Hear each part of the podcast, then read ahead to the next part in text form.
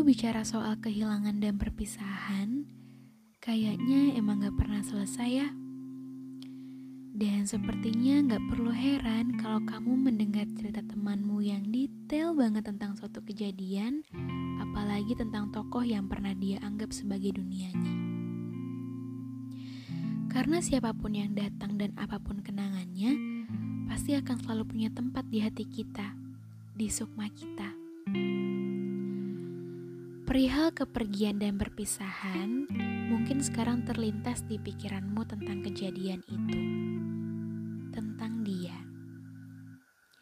Gimana? Masih nggak baik-baik aja kalau dengar nama dia? Atau sekarang udah bisa senyum karena kamu berhasil memaknai perpisahannya? Proses untuk benar-benar bisa menerima kalau dia udah nggak ada emang lumayan panjang. Kita pernah ada di titik marah, ngerasa semuanya nggak adil sedih yang berlarut bahkan sampai depresi. Hingga akhirnya kita bisa ikhlas menerima semuanya. Selama proses itu, aku yakin kamu bisa memetik banyak hal dan semakin sadar bahwa semua punya durasi. Tuhan pertemukan kamu dengan dia pasti ada tujuannya. Begitu pula dengan kepergiannya. Gak mungkin gak ada alasan. Kalau kamu ngerasa bahagianya sebentar banget, kayak cuma satu tahun, enam bulan, tiga minggu, atau bahkan hanya sekian hari, ya berarti Tuhan kasih durasi untuk kamu bikin cerita sama dia cuma segitu. Setelah dia pergi memang sedih bukan main.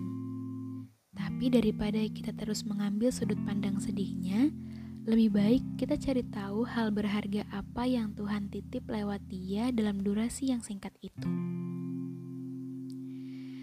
Sama dia aku belajar lebih sabar. Sama dia aku belajar kalau ya nggak boleh menggantungkan bahagia ke orang lain. Dan sama dia aku belajar kalau kita nggak ketemu, aku nggak akan sedewasa sekarang. Apa pun itu, setiap yang datang membawa pelajaran, dan kita punya buku rangkuman masing-masing. Dia pergi atau dia ninggalin kita tuh gak selalu karena dia jahat, tapi karena inilah hidup. Semua punya peran, semua punya durasi. Ini berlaku untuk siapa pun, teman, sahabat, kekasih, dan orang-orang yang ada di hidup kita. Jadi, setelah kamu memahami konsep manusia yang dinamis, manusia yang datang lalu pergi, dan paham juga kalau semuanya punya durasi, aku ingin kamu semakin tidak kesulitan untuk menerima segala hal yang terjadi. Lagi pula dia nggak benar-benar pergi, dia masih ada di bumi. Kamu juga masih bisa lihat dia lewat Instagram setiap hari hanya saja perasaannya bukan untukmu lagi. Yang ingin dia jadikan teman cerita bukan kamu lagi. Jadi begitulah.